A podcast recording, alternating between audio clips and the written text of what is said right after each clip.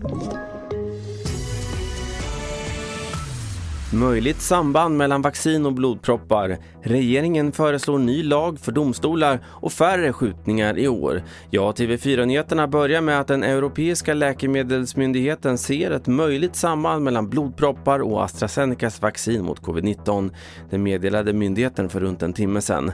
Upp till 160 personer har fått blodproppar av vaccinet och det handlar huvudsakligen om personer under 65 år. Samtidigt betonas att de här bieffekterna är mycket ovanliga och att nyttan med vaccinet är större än riskerna.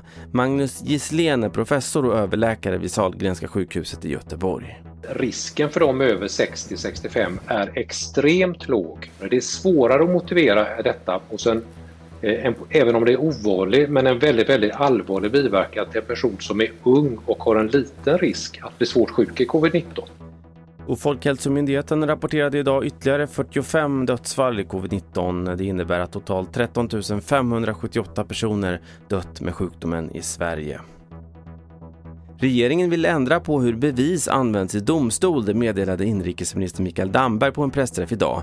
Förslaget innebär att förhör som gjorts i direkt anslutning till brott kan användas som bevis i domstol, vilket inte är möjligt idag enligt den så kallade omedelbarhetsprincipen. Berättelser som lämnats tidigt kan vara mer tillförlitliga eftersom de lämnats närmare anslutning till själva händelsen. Det är dessutom i mindre utsträckning eh, kanske påverkade av vad andra människor har sagt eller vad som har framkommit i media. Tillförlitligheten i minnesuppgifter avtar också generellt sett över tid. På samma pressträff meddelades också att antalet skjutningar minskade i år jämfört med första kvartalet förra året då det skedde över 90 skjutningar i Sverige. Under de första tre månaderna i år är antalet nere i 52. Det betyder dock att antalet skjutningar ligger på samma nivå som första kvartalen 2018 och 2019. Då skedde också ett 50-tal skjutningar de första tre månaderna. Det här var senaste nytt från TV4 Nyheterna. Jag heter Carl-Oskar Alsen.